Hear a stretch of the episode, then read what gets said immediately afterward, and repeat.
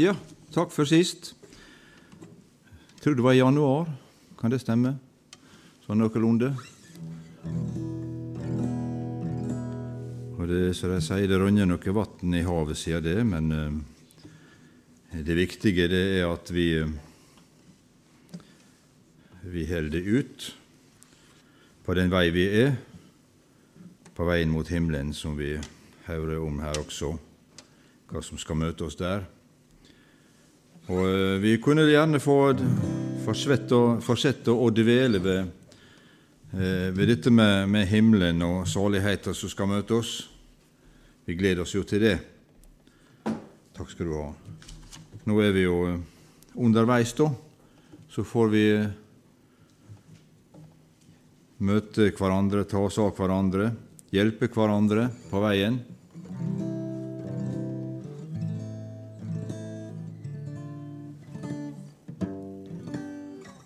Jeg vandrer med Jesus hvert skritt på min vei. Jeg vandrer med Jesus hvert skritt på min vei. Han holder min hånd, og da faller jeg ei.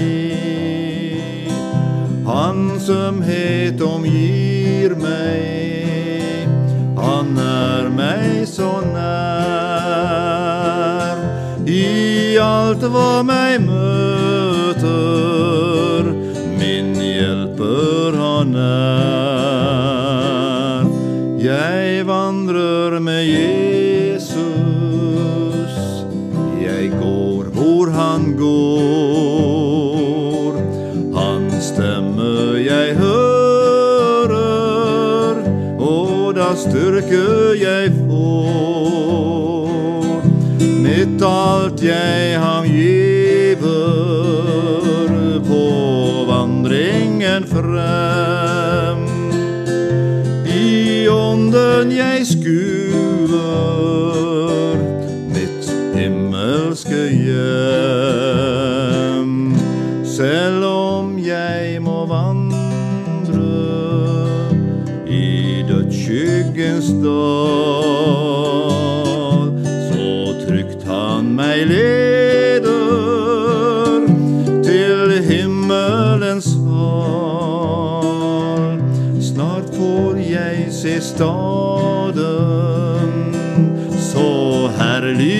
og skjønn. Og livet med Jesus, det har jeg i lønn. Snart får jeg se staden, så herlig og skjønn.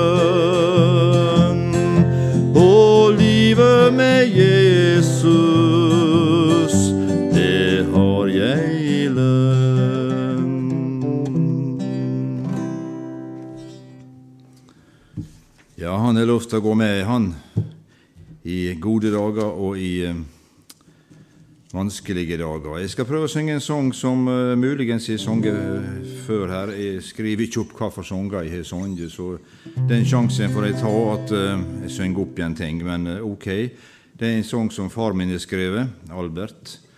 'Kilden i dalen', som dere sikkert har hørt. Vi sang den inn på en kassett for 30 år siden. Han, Anne Arnstein, som dere kjenner her, og en kamerat som har vært leder i Philadelphia Ulsteinvik i 20 år, Jarle Nygjerde, og jeg var med på den. Jeg har for øvrig den også med på en av CD-ene som jeg seinere da har gitt ut. Fint å være oppe på Tabor. Vi veit eh, eh, da Jesus var forklara på fjellet, var sveinene som var med der, de syntes det var flott å være der. De har lyst til å etablere seg der med hytte og, og greier, og de har ikke lyst ned igjen. Det var nok fint å være. Men eh, de måtte ned i dalen igjen, og eh, det er ikke sikkert det er så verst å være der heller av og til. Blom, eh, rosene blomstrer best nede i dalen, er det et vers som heter. Oppe på Tabor er liflig å være. Der åpenbares det skjulte for oss. Men åpenbaring kan ikke den mette som har smakt kilden fra Golgata kors. Høyden og ned gjennom dalen rinner en kilde med levende vann. Drikke for tørstende, hungrige mettes. Duften av roser gir motløse kraft.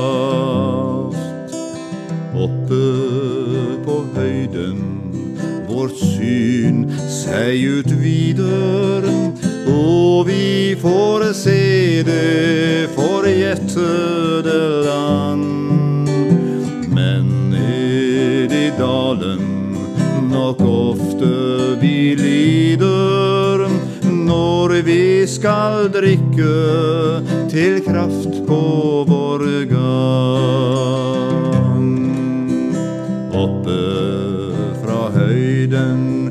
Ned gjennom dalen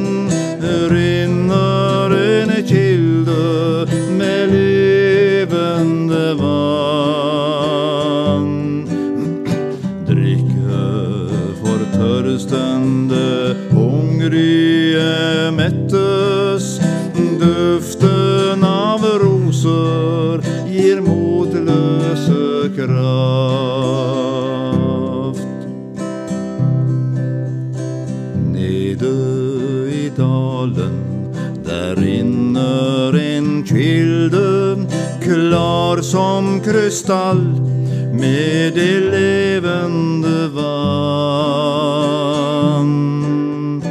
Gå dit og bøy deg på kne der ved kilden, drikk deg til kraft for å innta nytt land.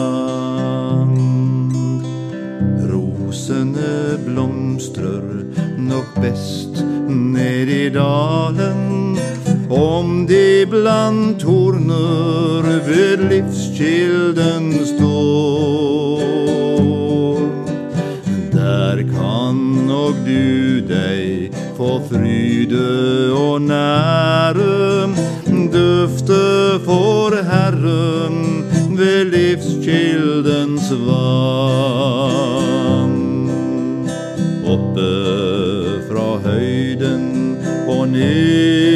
Gjennom dalen rinner en kilde med levende vann. Drikke for tørstende, hungrige mettes. Duften av roser gir motløse kraft.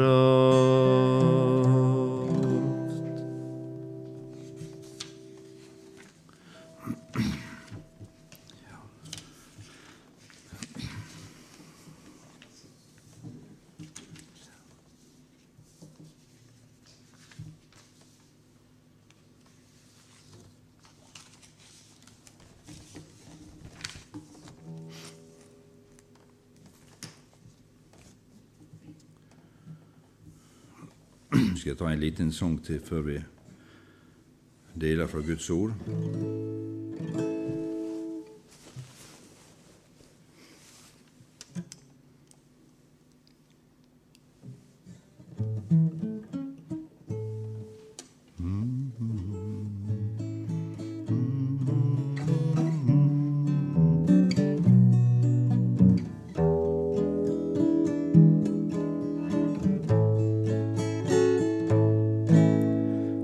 Herre Gud, jeg kan ikke forstå det at jeg kunne få slik en gave av deg.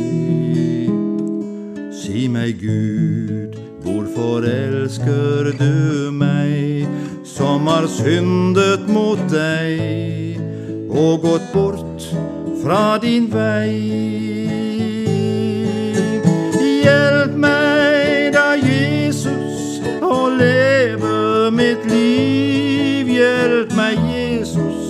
Å stole på deg.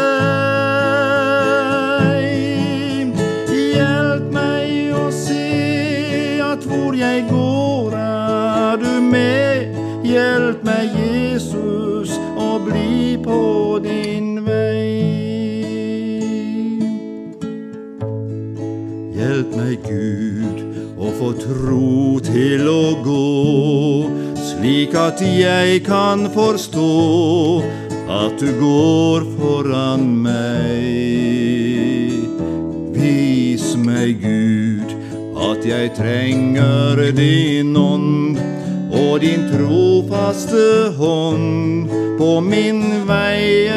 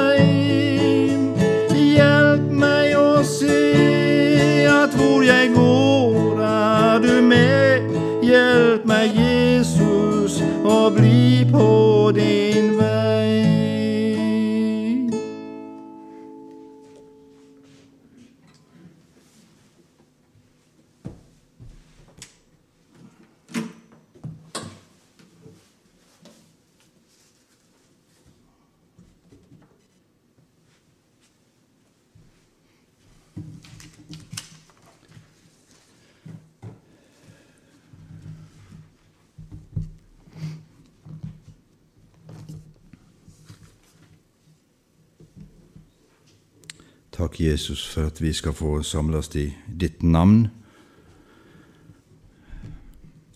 Herre, uansett hva vi har møtt før i dag, la oss få nåde til å parkere det og være helt innstilt på å kanalen på himmelen, sånn at vi kan få ta imot det som du hadde tenkt, Herre. Og jeg ber, ber Jesus for egen del at jeg kan få være påkobla på en slik måte at jeg kan få dele med vennene her noe av det som du har i tankene for oss. Takk, Jesus, for at du velsigner ditt eget ord, Herre. Du er Ordet, og du velsigner det, Jesus. Det gir liv, og det gir legedom. Takk skal du ha, Jesus. Amen.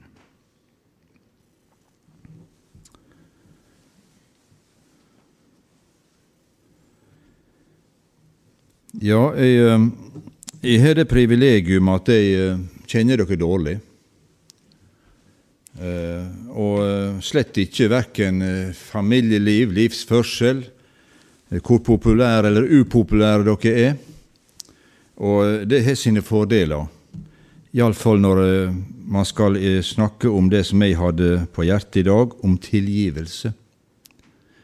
Kanskje ikke så populært å snakke om sånne ting, men ut ifra det jeg ser i Skrifta, så er det et uhyre viktig tema.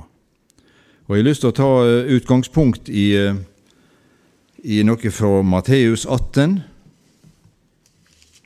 der Peter kommer med dette spørsmålet. Fra Matteus 18, fra vers 21. Da gikk Peter til ham og sa, Herre, hvor mange ganger skal min bror kunne synde mot meg, og jeg tilgi ham? Inntil sju ganger? Jesus sa til ham, Ikke sju ganger, sier jeg deg, men sytti ganger sju.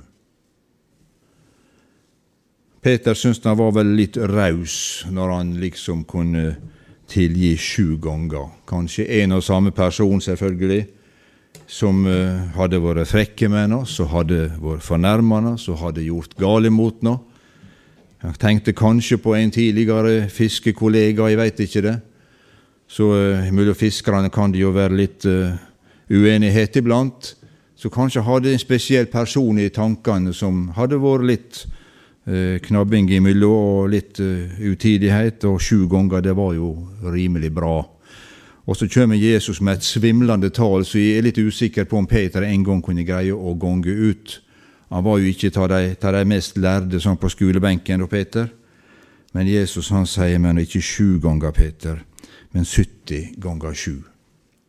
Og Det ble et svimlende tall, det ble et stort tall, og jeg tror det Jesus setter heller ikke begrensninger på 70 ganger 7, men han ville fortelle Peter at vi, vi teller ikke dette her. Vi, vi skal ikke telle hvor mange ganger vi kan eller vil tilgi, men vi skal være tilgivende. Og så, for å legge dette veldig klart for Peter, så begynner Jesus på en lignelse. Vi leser videre fra vers 23. Derfor er himlenes rike å ligne med en konge som vil gjøre opp regnskap med sine tjenere. Da han begynte med oppgjøret, ble det ført fram for ham en som skyldte 10 000 talenter. Men da han ikke hadde noe å betale med, bød Hans Herre at han skulle selges, han og hans hustru og barn og alt han eide, og gjelden betales. Tjeneren kastet seg da ned for ham og sa, Ha tålmodighet med meg, så skal jeg betale deg alt sammen. Herren hadde da inderlig medynk med den tjeneren. Han løslot ham og ettergav ham gjelden. Men da tjeneren kom, møtte han eh, men da tjeneren kom ut, møtte han en av sine medtjenere som skyldte ham hundre denarer. Han grep fatt i ham, tok strupetak på ham og sa, Betal det du skylder.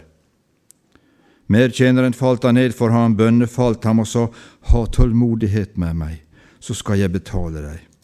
Men han ville ikke, tvert imot, han gikk av sted og fikk, kast, fikk kastet ham i fengsel. Der skulle han sitte til han hadde betalt det han skyldte. Men da hans medtjenere så det som skjedde, som hendte, ble de svært bedrøvet, og de gikk og fortalte sin herre alt som var skjedd. Da kalte Hans Herre ham for seg og sa til ham, Du vonde tjener, Hele din gjeld etterga jeg deg fordi du ba meg. Burde da ikke også du vise barmhjertighet mot din medtjener, slik jeg viste barmhjertighet mot deg? Og Hans Herre ble vred og overgav ham til dem som piner, inntil han betalte alt han skyldte. Slik skal også min himmelske Far gjøre mot dere, om ikke hver og en av hjertet tilgir sin bror. Jeg tenker at dette med tilgivelse, det er Eh, det er et, et, et, stort tema. Det kan sies veldig, veldig mye om det. Og, og det er klart at eh, tilgivelse er jo selvfølgelig ikke bare oss imellom, men tilgivelse er jo noe av det fundamentale i frelsesverket. Tilgivelsen i frelsesverket bygger ikke på hva jeg og du har gjort eller ikke gjort. Det bygger på nåde, det alene. Og vi tenker ofte på han som hong ved Jesus side, som, stod, som også hong utspent. Han fikk ikke folde sine hender engang og be om tilgivelse, men jeg spurte Jesus kan du tenke på meg når du kommer i paradis, når du kommer dit som jeg veit du skal. Vi har fortjent dette her, men ikke du. Du er uskyldig dømt. Men vi får det vi har fortjent.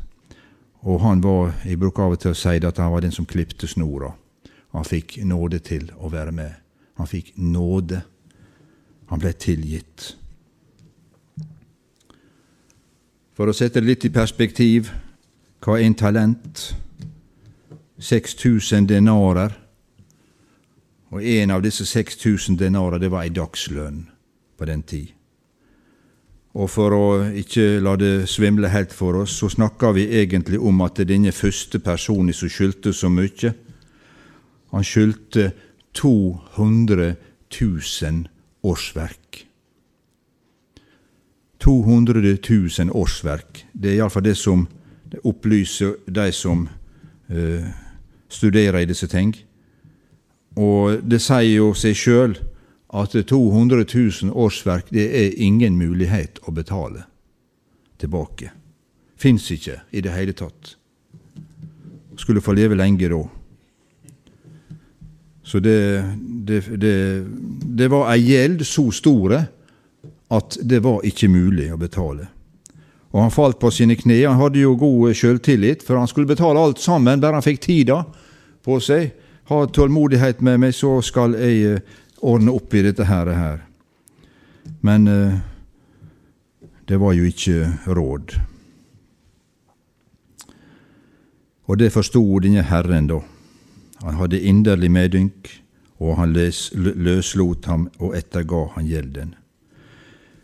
Men denne lykkelige utfria fra gjeld og skyld, han uh, viser ei side som var bedrøvelig og uventa. Han har ikke før kommet ut før han møter en av sine kollegaer uh, som skylder nå vel tre måneders lønn. Og det var jo ei overkommelig gjeld da, i sammenhengen. Men han hadde jo heller ikke noe å betale med, så han ba omtrent samme bønna da til denne som hadde fått tilgitt så mye. Ha tålmodighet med meg, så skal jeg betale det. Og det hadde jo han ei mulighet til innenfor ei visse tid. Vi kjenner til dette med å skylde penger. Kan vi få til ei ordning så vi betaler ned over tid? Enkelte av oss har vært kanskje borti dette. Det har vært dårligere tider her i landet enn det er i dag. Og det veit jeg fra egen familiesituasjon da jeg vokste opp. Så uh, var det Vi har sikkert kanskje snakka om det før, for det er friskt i minnet. Vi måtte handle på bok. Og når Faderen kom igjen fra, fra sjøen og skulle få lotten utbetalt, da kunne vi betale. Og det var kanskje flere måneders opphoping av gjeld. Men det blei betalt. Og han her også hadde sikkert fått til ei ordning å betale, men ikke snakk om her og nå. Betal. Det kunne han jo ikke, så han kasta han i fengsel. Og da er vi borti dette med tilgivelse. Han fikk tilgivelse, men han ville ikke gi tilgivelse.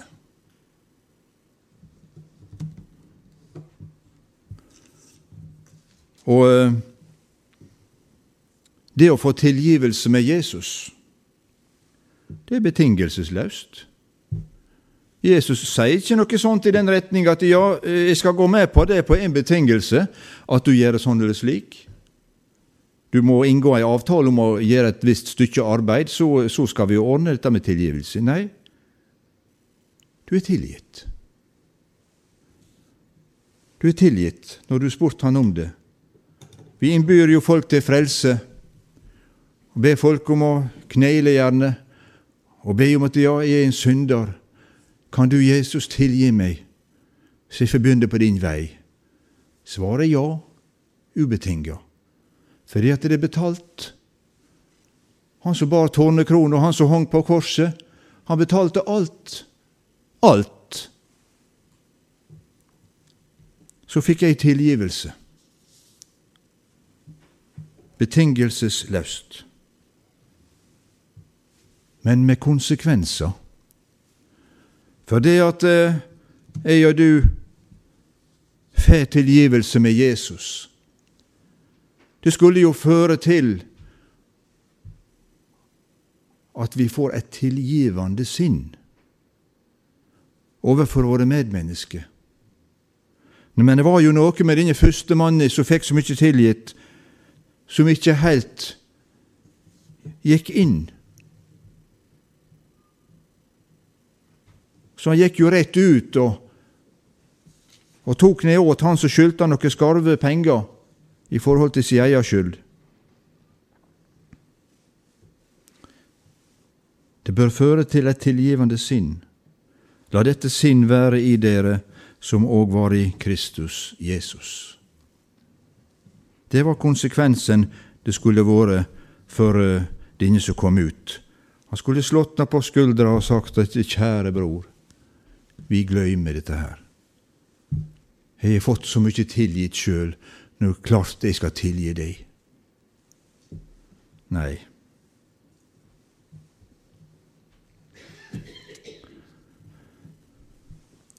Dette, dette Kristi sinnelaget, det kommer så sterkt fram i, i faren i, i denne fortellinga som gjerne blir kalla den bortkomne sønn, eller den barmhjertige faren. Han var så vel informert om hva, for, hva sønnen uh, uh, dreiv på med ute i verden. Spilte bort pengene, levde et syndefullt, belasta liv. Skulle tru det, hvis han ikke hadde hatt dette Kristi sinnelag, som uh, er noe av poenget her, så opparbeidet det seg ei bitterhet der er fedre som ber på det også. Jeg vil ikke være far din lenger. Du kan bare reise heimafrå. Du har stelt det slik at jeg vil ikke vite av deg. Vi leser av og til sånne historier om foreldre som fraskriver seg foreldreprivilegiet til bøndene sine, fordi det har gått så ille i livet at dette her, det vil ikke de ha noe med å gjøre. Det kan være kriminalitet, narkotika, og vi, vi kjenner til det. Og det, det er tragisk at, at, noen gjør det slik.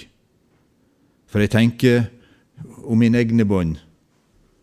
Jeg har ei på 31-32, og jeg har en 31. Det høres ut som jeg var ikke sikker nå. 31 var en sønn på 42, og jeg er ikke bekymra for dem i så måte. Men uh, jeg veit det at uh, om de hadde fått ille med livet sitt, så hadde det vært min datter og min sønn uansett. Og jeg er sikker på at du er enig med meg. Jeg håper det. Kjenner som sagt ikke dere, så jeg skal være forsiktig med det. Men det er de unge som opplever tragedier med bøndene sine. De drar ut i verden og kanskje ikke hører fra dem på årevis, og det er vondt, og det er trist. Men som eh, frelste så vil vi alltid bære dem med oss. Om det går dem godt eller det går dem vondt, så er de nær vårt hjerte, og vi ber for dem fordi vi vil de skal bli frelst. Og bønnebånda har spesielle løfter. Men denne far så hadde en sønn som var ute i verden. Hans hjerte banka. Han så etter noe. Han lengta etter noe. Står ikke et ord om at det er bare vent til du kommer hjem igjen, så skal det altså bli et oppvask. Ikke et ord i den retning. Men da han var langt borte, det vitna om at han var på utkikk hele tida sprang han i møte, omfavna henne. Du far, jeg har Han fikk ikke sagt stort. Han hadde jo lagt opp ei forsvarstale om ikke akkurat forsvar, men om han kunne få lov å være som en av tjenestefolka. Sønnen min, nå er du heime igjen. Du har bortkommet, nå er du heime. Og veit du, skoene og ringen og kleda hong klar. Rette skostørrelsen, for det kjente pappaen til. Rette kleda som sonen likte å ha på seg. Det hong der, og det blei fest. Det var tilgivelse på høgt plan. Og det var, det var fred, og det var glede. Dersom vi bekjenner våre synder, er Han trofast og rettferdig, så Han forlater oss syndene og renser oss fra all urettferdighet.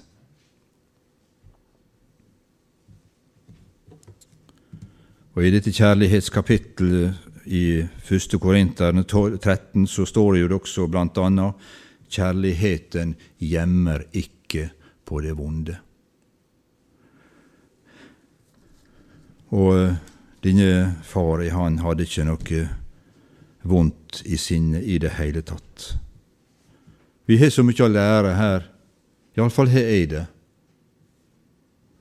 Dette kjærlighetsordet som har blitt så misbrukt og så utvatna på en måte i verden. Det er kjærlighet i alle retninger. Og på en måte så kommer det av og til i et underlig lys. Men hvis vi bruker kjærlighetsuttrykket ut ifra Bibelens opprinnelse Gud er kjærlighet. Jesus er kjærlighet. Så veldig at han ga livet sitt for oss på korset. Ikke bare vi som er her, men all verden. Alle de synder som var gjorde, og som blir gjort, og som kommer til å bli gjort, det tok han med seg på korset da han døde. Hadde Jesus noe å tilgi da han gikk omkring her? Han skulle jo dø for verdens synd, og han blei frelseren. Ja, Jesus han måtte også tilgi, og han sporer sin far med Far, forlat deg, tilgi deg, for de veit ikke hva de gjør. Det var noe av orda som Jesus sa på korset.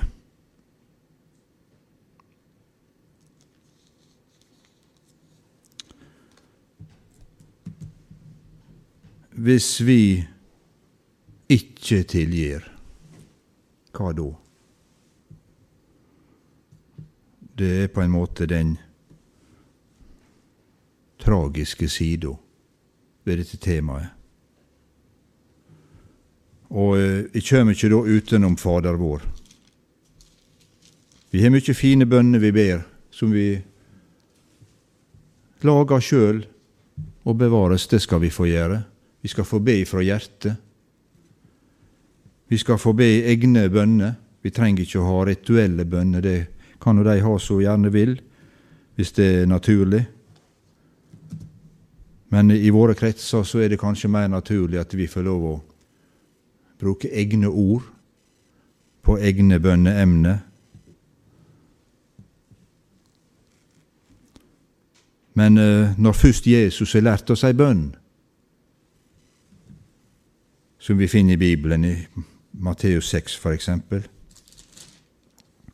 så gjør vi jo vel i å, å legge merke til hva som blir skrevet der. Vi bruker noen ganske ofte i forskjellige sammenhenger, helt ifra barndommen av og oppover. Mer var det i skolen før kanskje enn det nå, litt forskjellig der også. Men eh, Fader våre bør vi holde ved like, også som ei bønn i samfunnet vårt. Og Jeg skal ikke lese hele, men i denne sammenheng som vi holder på, så leser jeg denne ene bønna.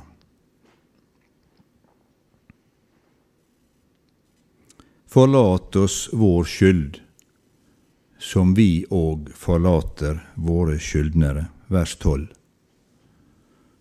i Matteus 6. Gud, behandle meg sånn som jeg behandler min neste. Tilgi meg, Jesus, etter samme mal som jeg tilgir mine medmennesker. Og i lys av dette her så syns jeg det er veldig trist når vi av og til, du sikkert lagt merke til det, noen kan si det der kjem jeg aldri til å tilgi deg. Det som du gjorde imot meg der. Og vi kan veldig gjerne forstå det, for det kan være så tragiske forhold at liv har gått tapt. Påkjørsel i fyll og narkotika osv. Det er fryktelig mye tragisk som skjer, og det er noen som sitter igjen og lider, som har mist noen av sine og der er kanskje en gjerningsperson. Jeg kommer aldri til å tilgi. Og dette kan vi forstå. Men det er veldig vondt og vanskelig når du da skal kanskje treffe disse og samtidig vite hva Bibelen sier. For i fortsettelsen ut i dette kapittelet bare rett etter eh, Fader vår, for dersom dere tilgir menneskene deres overtredelser, da skal også deres himmelske Far tilgi dere. Men om dere ikke tilgir menneskene deres overtredelser, da skal heller ikke deres Far tilgi det dere har forbrutt.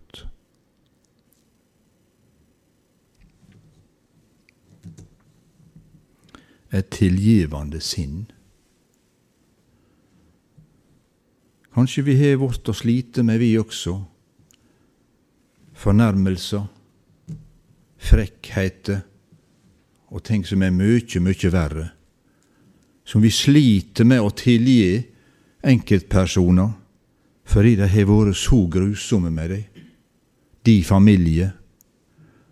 Og vi opplever, vi kjenner sikkert til tilfellet alle sammen, kanskje, nabokrangler som er blitt nedarva i flere ledd fordi det blei ikke gjort opp.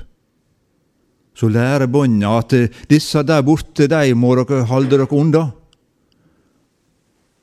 De liker ikke vi her. De gjorde det og det for 80 år siden. Man arver nærmest en forbannelse.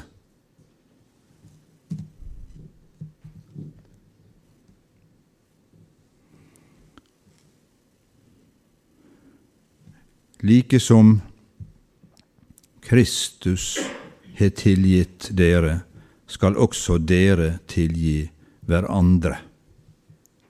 Eller kanskje enda fyldigere fra Efeserbrevet, vær gode mot hverandre, vis barmhjertighet så dere tilgir hverandre, liksom Gud har tilgitt dere i Kristus. Tilgivelse. Så har vi fått vår uoverstigelige gjeld tilgitt. For alle har synda og fattes Guds ære. Og i den stand kjem vi ikke inn i himmelen. Så vi er helt avhengig av denne tilgivelsen, og den har vi fått når vi har gitt vårt liv til Herren, til Jesus. Den har vi fått. Den er bygd på kjærlighet, for Han elsker oss med en inderlig kjærlighet, og har gjort alt som sto i hans makt, for at vi skulle få komme hjem til Han, til himmelen, til saligheten.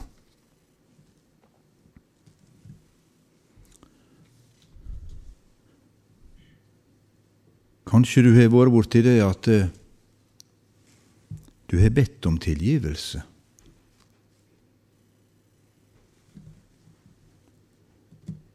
Men du fikk ikke det.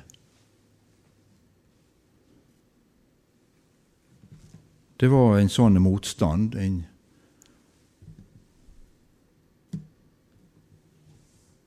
At eh, du kom ikke gjennom. Det var taust.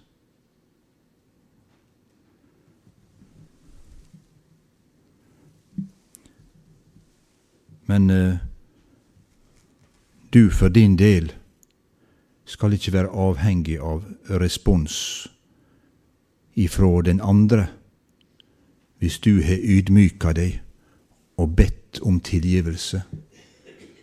Så kan ikke du true noen til å gi deg det, men du har gjort det du kunne. Du har gått ned og bedt om tilgivelse.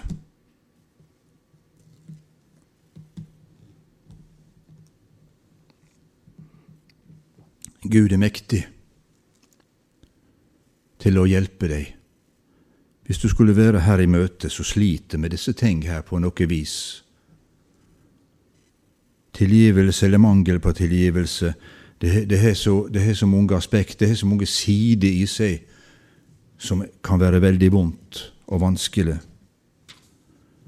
Men der er, jeg tror ikke det skal være noe Der er ikke noe som er for vanskelig for Herren å hjelpe deg med. Til og med i draume kan Gud operere og løse deg ifra ting som kanskje en du skulle ha bedt om tilgivelse til, har reist herifra, er død, og du fikk ikke gjort opp. Gå til Jesus med det. Gå til Jesus med det som synes umulig, det som synes vanskelig. Der er en vei å gå. Be til Jesus. Be Han om veiledning og hjelp i disse ting. Gi oss, forlat oss vår skyld som vi òg forlater våre skyldnere. Det er ei fantastisk bønn, egentlig, dette med Fader vår. Hun er så innholdsrik.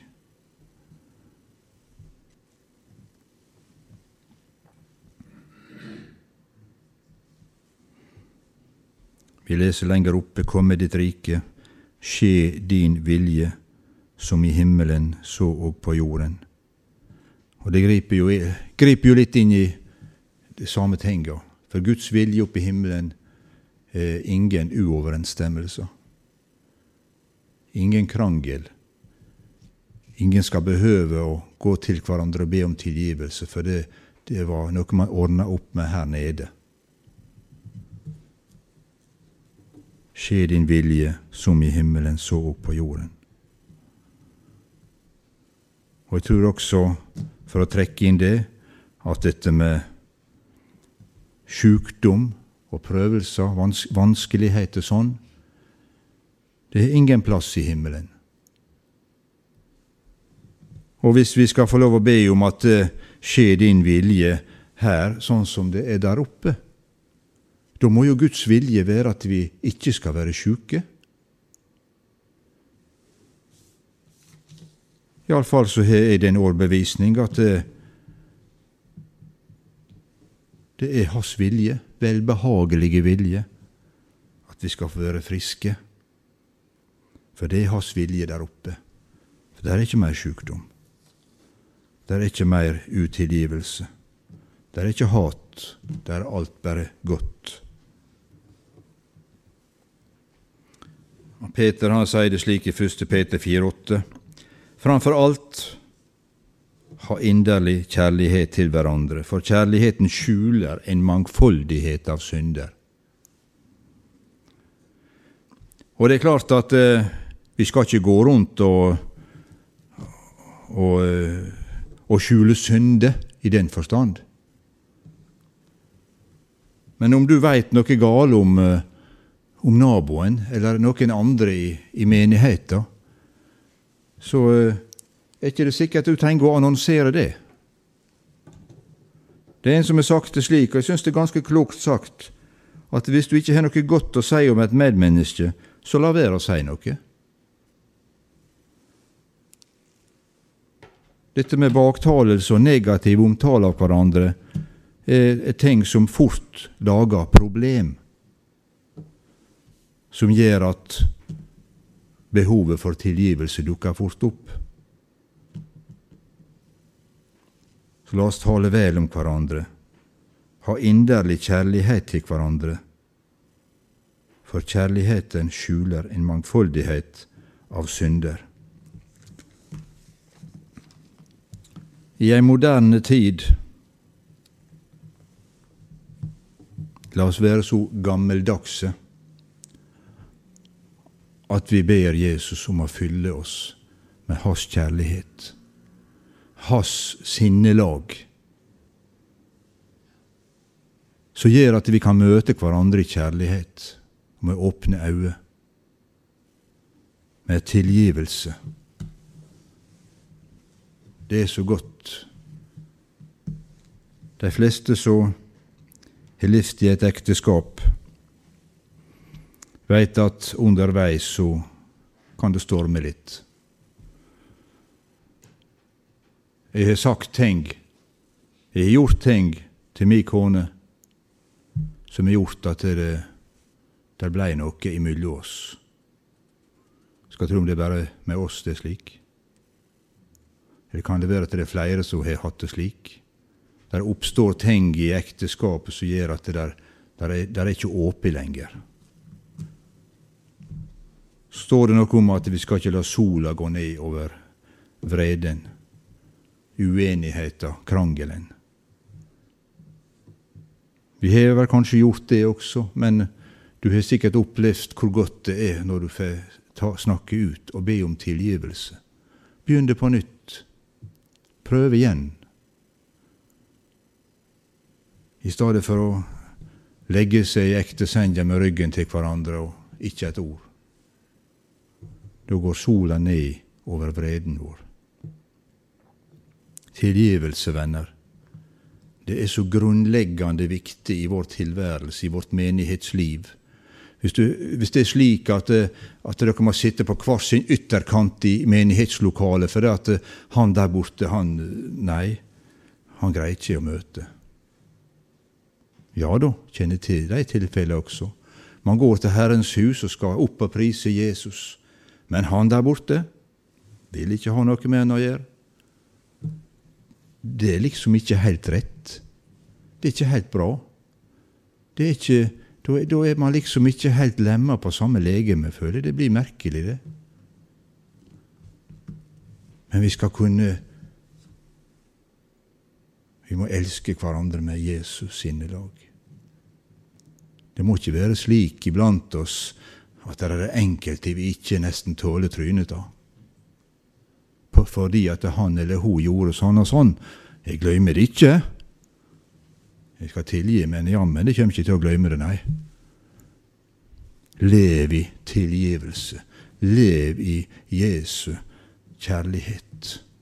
Ja, det er vanskelig, jeg veit det. Vi, vi har jord på føttene alle sammen, og vi skal traske omkring her. og Vi møter ting hver dag som får oss litt ut på sidelinja. Men eh, la oss gå til Ordet. La oss leve i Ordet. Det oppfordrer Jesus oss. Dersom dere blir i meg, og mine ord blir i dere, da be om det dere vil, og dere skal få det. Lev i Ordet. Spis Ordet. Masse gode meninger utav her, men les Ordet. Veldig mye gode bøker som kan leses, ja, men først og fremst Guds ord. Det er det eneste det står om som skal bestå. ønsker dere alt godt her inne. Jeg er ikke så pedagogisk, det kan bli litt sånn her og der. Men jeg, jeg håper at jeg kan få ha bringe litt av det som Jesus la på meg i dag. Viktigheten at vi lever i tilgivelsen. At vi er raske med å tilgi. Raske med å ordne opp, så vi kan puste letta og være mottagelige for det som Jesus vil gi oss. For hvis en går sjøl utafor, hvis vi har noe holder på vår rett Det er ikke alltid så viktig, det. Det er de ydmyke som får nåde. Men de stolte står Gud imot. Jeg satt på stolen her i stad, så kom jeg plutselig til å tenke på disse to som gikk opp i tempelet der han eh, skriftlærde fariseeren gikk fremst fram, på høgast mulig, liksom, og takka og prisa Gud for at det hadde lykkast. Å, han var så bra. At det ikke er sånn som han ned med døra der. Tolderen og synderen. Men her ser du Gud, jeg gir tiende av alt jeg tjener. Aldri banna, jeg aldri drikker, jeg lever et fortreffelig liv. Han hadde ei korte bønn, han som satt og sto, sto der nede. Gud, vær meg synderen nådig. Det var hans behov. Det var ikke mye å skryte av. Det var ikke noen referanseliste over alt som hadde lykkes. Har ingen CV å legge fram. Denne gikk rettferdig hjem til sitt hus, men ikke han som sto fremst. For han prøvde å gjøre sjøl det som Jesus allerede hadde gjort. Jesus han hadde lykkast, men han som sto der framme, han hadde mislykkast, For det rakk ikke opp til knea engang på Jesus. Takk, Jesus, at om jeg er ufullkommen og ikke strekker til, så er du fullkommen, Herre. Du strekker til, Jesus, for oss alle. Du er rike nok for alle som påkaller ditt navn. Du er mektig nok til enhver situasjon å hjelpe oss og ordne opp for oss. Takk, Jesus, jeg priser deg. Jeg takker deg for Golgata, Jesus, der du sa det er fullbrakt. Da hadde du fullført alt, da hadde du betalt gjelda. Den som var skrevet med bud, den ble nagla til korset, hele skyldbrevet. Takk og lov, Jesus. Sjå i nåde til oss, Herre, at vi kan leve i denne nåden, at vi kan leve i lyset med våre liv, Jesus, at vi tåler at det lyset skinner inn over oss. I ditt lys skal vi få sjå lys. I ditt ord så skal vi få den maten vi trenger. Takk skal du ha, Jesus. Takker deg for alle vennene her inne. Takk at du har mange her. De skal få vekst i nåde og kjennskap, Herre. Og snart en dag så kommer du og henter dine. Må ikke noen av oss her mangle den dagen, Herre, men bevare oss under det dyre blod. I Jesu navn.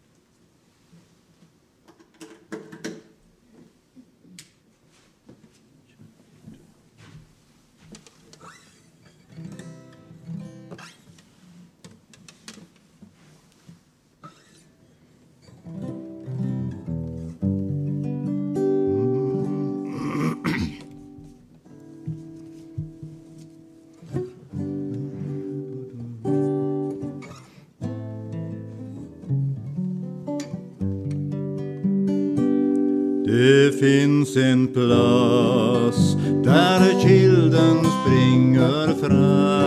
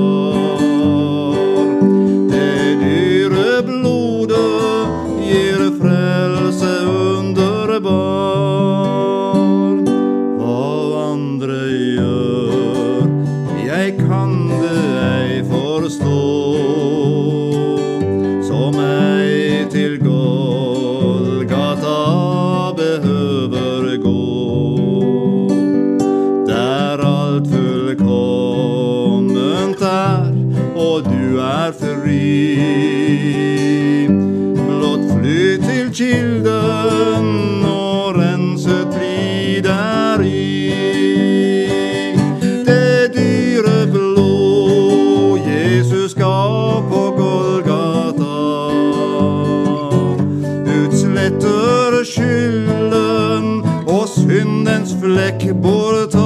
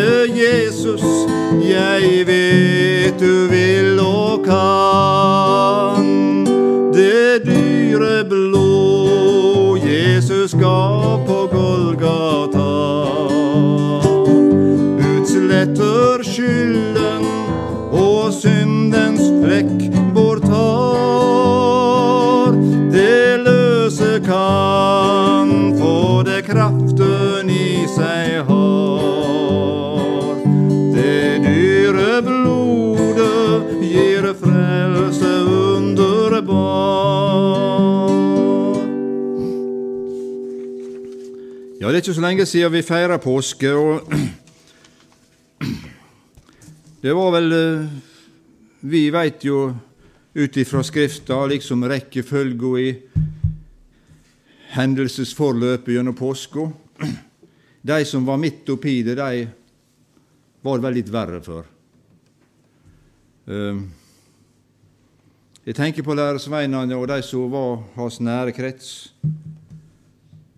som eh, hadde sett sin lit til denne mannen, som hadde gitt opp næringa si på sjøen for å følge denne mannen, som de trodde var Messias. Og så tilsynelatende altfor lettvint så let han seg fange ta soldatene, ført i borga og havna ut på et kors. Kanskje de venta på hva tid som helst at det, nå må han vel slå til. Nå må han vel tilkalle himmelens krefter og, og slå ut disse fiendene. Nei. Tida hun gikk. Jesus bar sitt kors, vart festa på korset og til og med døde. Oi, vi som trudde. Jesus blei korsfesta, han blei gravlagt. Og jeg tenker på denne lørdagen som vi iallfall vi eh, feirer det slik, eller eller minnast, dagen etter langfredag. Det måtte være en grusom dag for disse hans næreste krets. Jeg veit ikke om de huska på og hadde noe bevissthet om at skal tru om han står opp i morgen. Jeg er ikke så sikker på om de trodde noe særlig på det. Jeg tror de har glemt det. Han hadde jo sagt det med dem, at han skulle stå opp på tredje dag.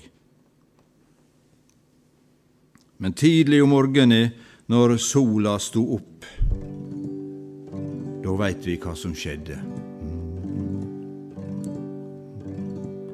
I vantru dei for, heilt utan et ord. Dei savna sin kjæraste venn.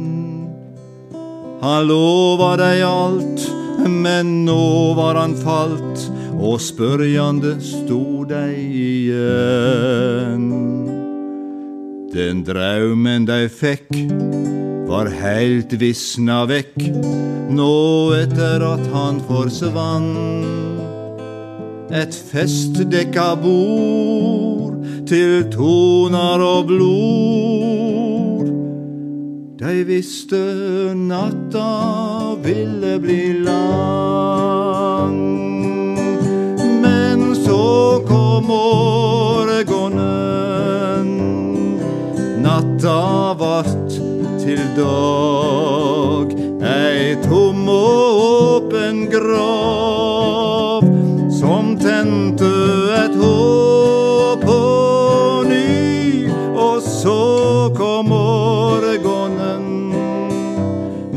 Brast i soleglans. Døden tapte, livet vant da morgenen rann. Ei møy som blei mor, tre konger som for, et bryllup der vatn blei vin. Nå sto hun forlatt, såg sonen bli tatt. Hun visste slik måtte det bli. Det hjalp ikke å be, det kom til å skje på korset til menneskespott. Men trass i sin veg, så visste hun det, at en dag ville